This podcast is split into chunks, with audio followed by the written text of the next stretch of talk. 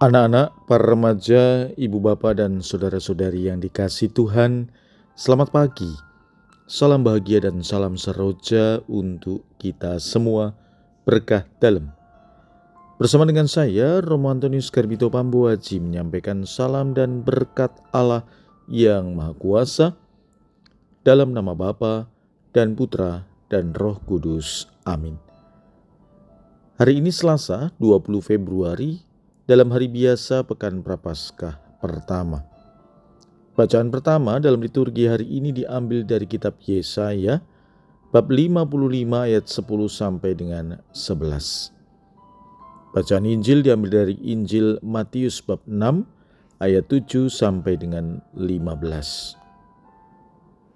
Dalam khotbah di bukit, Yesus berkata kepada murid-muridnya, dalam doamu, janganlah kamu bertele-tele seperti kebiasaan orang yang tidak mengenal Allah. Mereka menyangka bahwa karena banyaknya kata-kata, doa mereka dikabulkan. Jadi, janganlah kamu seperti mereka, karena Bapamu mengetahui apa yang kamu perlukan sebelum kamu minta kepadanya. Karena itu, berdoalah begini: Bapa kami yang di sorga, dikuduskanlah namamu, datanglah kerajaanmu, jadilah kehendakmu di bumi seperti di sorga. Berikanlah kami pada hari ini makanan kami yang secukupnya, dan ampunilah kami akan kesalahan kami, seperti kami juga mengampuni orang yang bersalah kepada kami. Dan janganlah membawa kami ke dalam pencobaan, tetapi bebaskanlah kami daripada yang jahat. Amin. Karena jikalau kamu mengampuni kesalahan orang, Bapamu yang di sorga akan mengampuni kamu juga. Tetapi jikalau kamu tidak mengampuni orang, Bapamu juga tidak akan mengampuni kesalahanmu. Demikianlah sabda Tuhan, terpujilah Kristus. Saudara-saudariku yang dikasih Tuhan, pada masa Prapaskah kita dipanggil untuk semakin dekat relasi kita dengan Tuhan.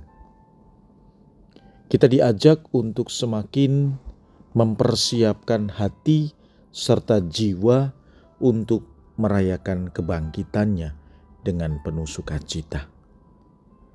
Hari ini kita diajarkan kepada perintah atau sabda Tuhan yang tidak asing bagi kita.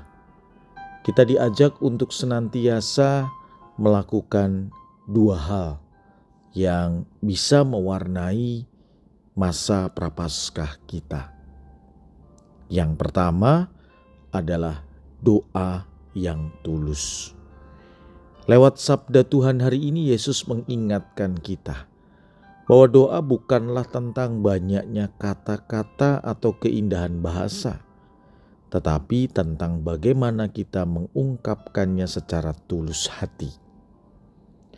Karena Allah pada dasarnya mengenal dan tahu persis apa yang menjadi kebutuhan kita jauh sebelum kita memintanya. Dan Allah ingin agar kita berdoa dengan penuh kepercayaan dan ketulusan. Bagaimana kita mewujudkannya dalam kehidupan kita sehari-hari? Ketika kita berdoa, kita dapat menghilangkan sikap formalitas atau pengulangan yang tanpa makna. Sebaliknya, kita dapat membawa kebutuhan dan sukacita kita kepada Allah dengan tulus dan sederhana mengungkapkan hati kita dengan jujur kepadanya, dan doa yang kita sampaikan bukan hanya permohonan melulu, tetapi juga ungkapan syukur, dan permohonan itu juga bukan hanya untuk kita, tetapi juga untuk orang lain. Yang kedua, Yesus mengajarkan kita tentang kasih dan pengampunan. Dalam doa Bapa kami, Yesus mengajarkan kita untuk mohon ampun bagi dosa-dosa kita, sebagaimana kita juga mengampuni orang lain yang bersalah kepada kita. Pengampunan adalah bagian penting dari hidup berdoa dan hidup kita sebagai murid Tuhan. Misalnya, dalam kehidupan kita sehari-hari, kita sering kali dihadapkan pada situasi di mana orang lain mungkin melakukan kesalahan terhadap kita.